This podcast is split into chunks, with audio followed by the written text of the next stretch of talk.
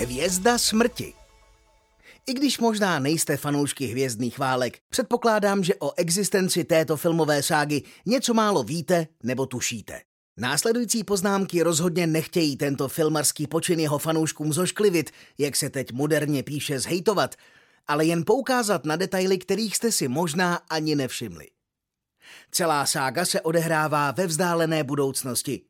Bohužel zdá se, že IT bezpečnost zažije nějaký strašlivý úpadek nebo je občanům impéria, a to včetně mimozemských ras, vymazána paměť a bezpečnostní povědomí.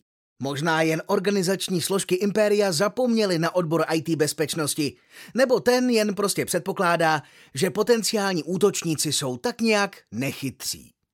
Zase na druhou stranu, kdyby scénárista těchto filmů uvažoval o IT bezpečnosti, smrskla by se sága na krátký film a Impérium by zvítězilo.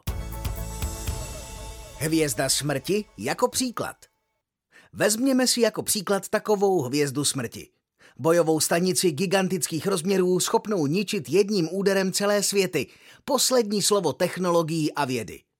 První věc, kterou bychom mohli vytknout, je neexistence nebo špatná segmentace sítě.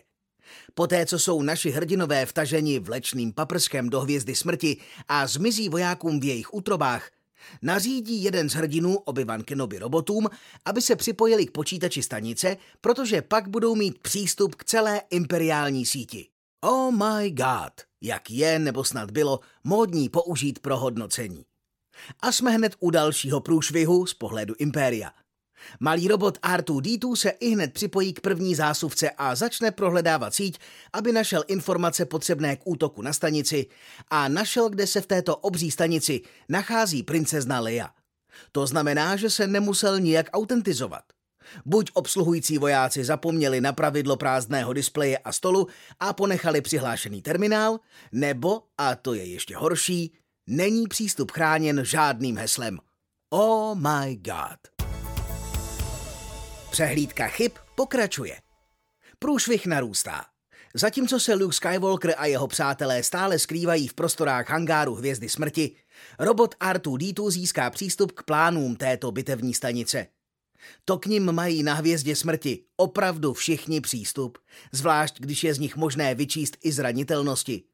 Něco jako řízení přístupu a přístupových práv se nekoná a o případném zašifrování toho nejcennějšího, co tam mají, není vlastně ani řeč. A stačilo by tak málo. Oh my god. A něco málo k fyzické bezpečnosti. Architekti a konstruktéři, jenž navrhli a sestrojili hvězdu smrti, sice neumožňují vypnutí napájení vlečného paprsku přímo z nějakého řídícího centra, ale z nějakého terminálu ukrytého v hloubi stanice – Mimochodem, všechny ovládací prvky bývají ve filmech umístěny na zcela nepraktických místech. Nicméně tak nějak zapomněli na fyzickou bezpečnost.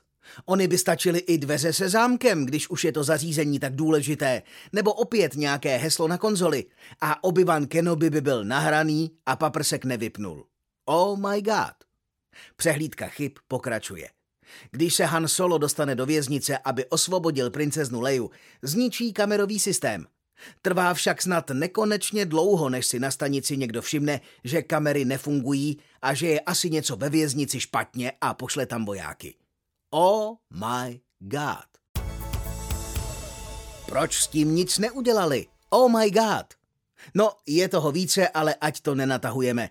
V závěrečné epické bitvě je hvězda smrti zničena, když hlavní hrdina Luke Skywalker zasáhne jediné zranitelné místo, a to šachtu o velikosti nějakých 2x2 metry. Pokud se tato zranitelnost dala vyčíst z plánů, jak je možné, že si toho nevšimli na hvězdě smrti? A pokud si toho všimli a věděli o tom, proč s tím nic neudělali? Tohle je přece klasický patch management. Oh my god. Pokud tedy nechcete dopadnout jako hvězda smrti, pokud nevíte, jak začít nebo potřebujete poradit, klidně se obraťte na autokont.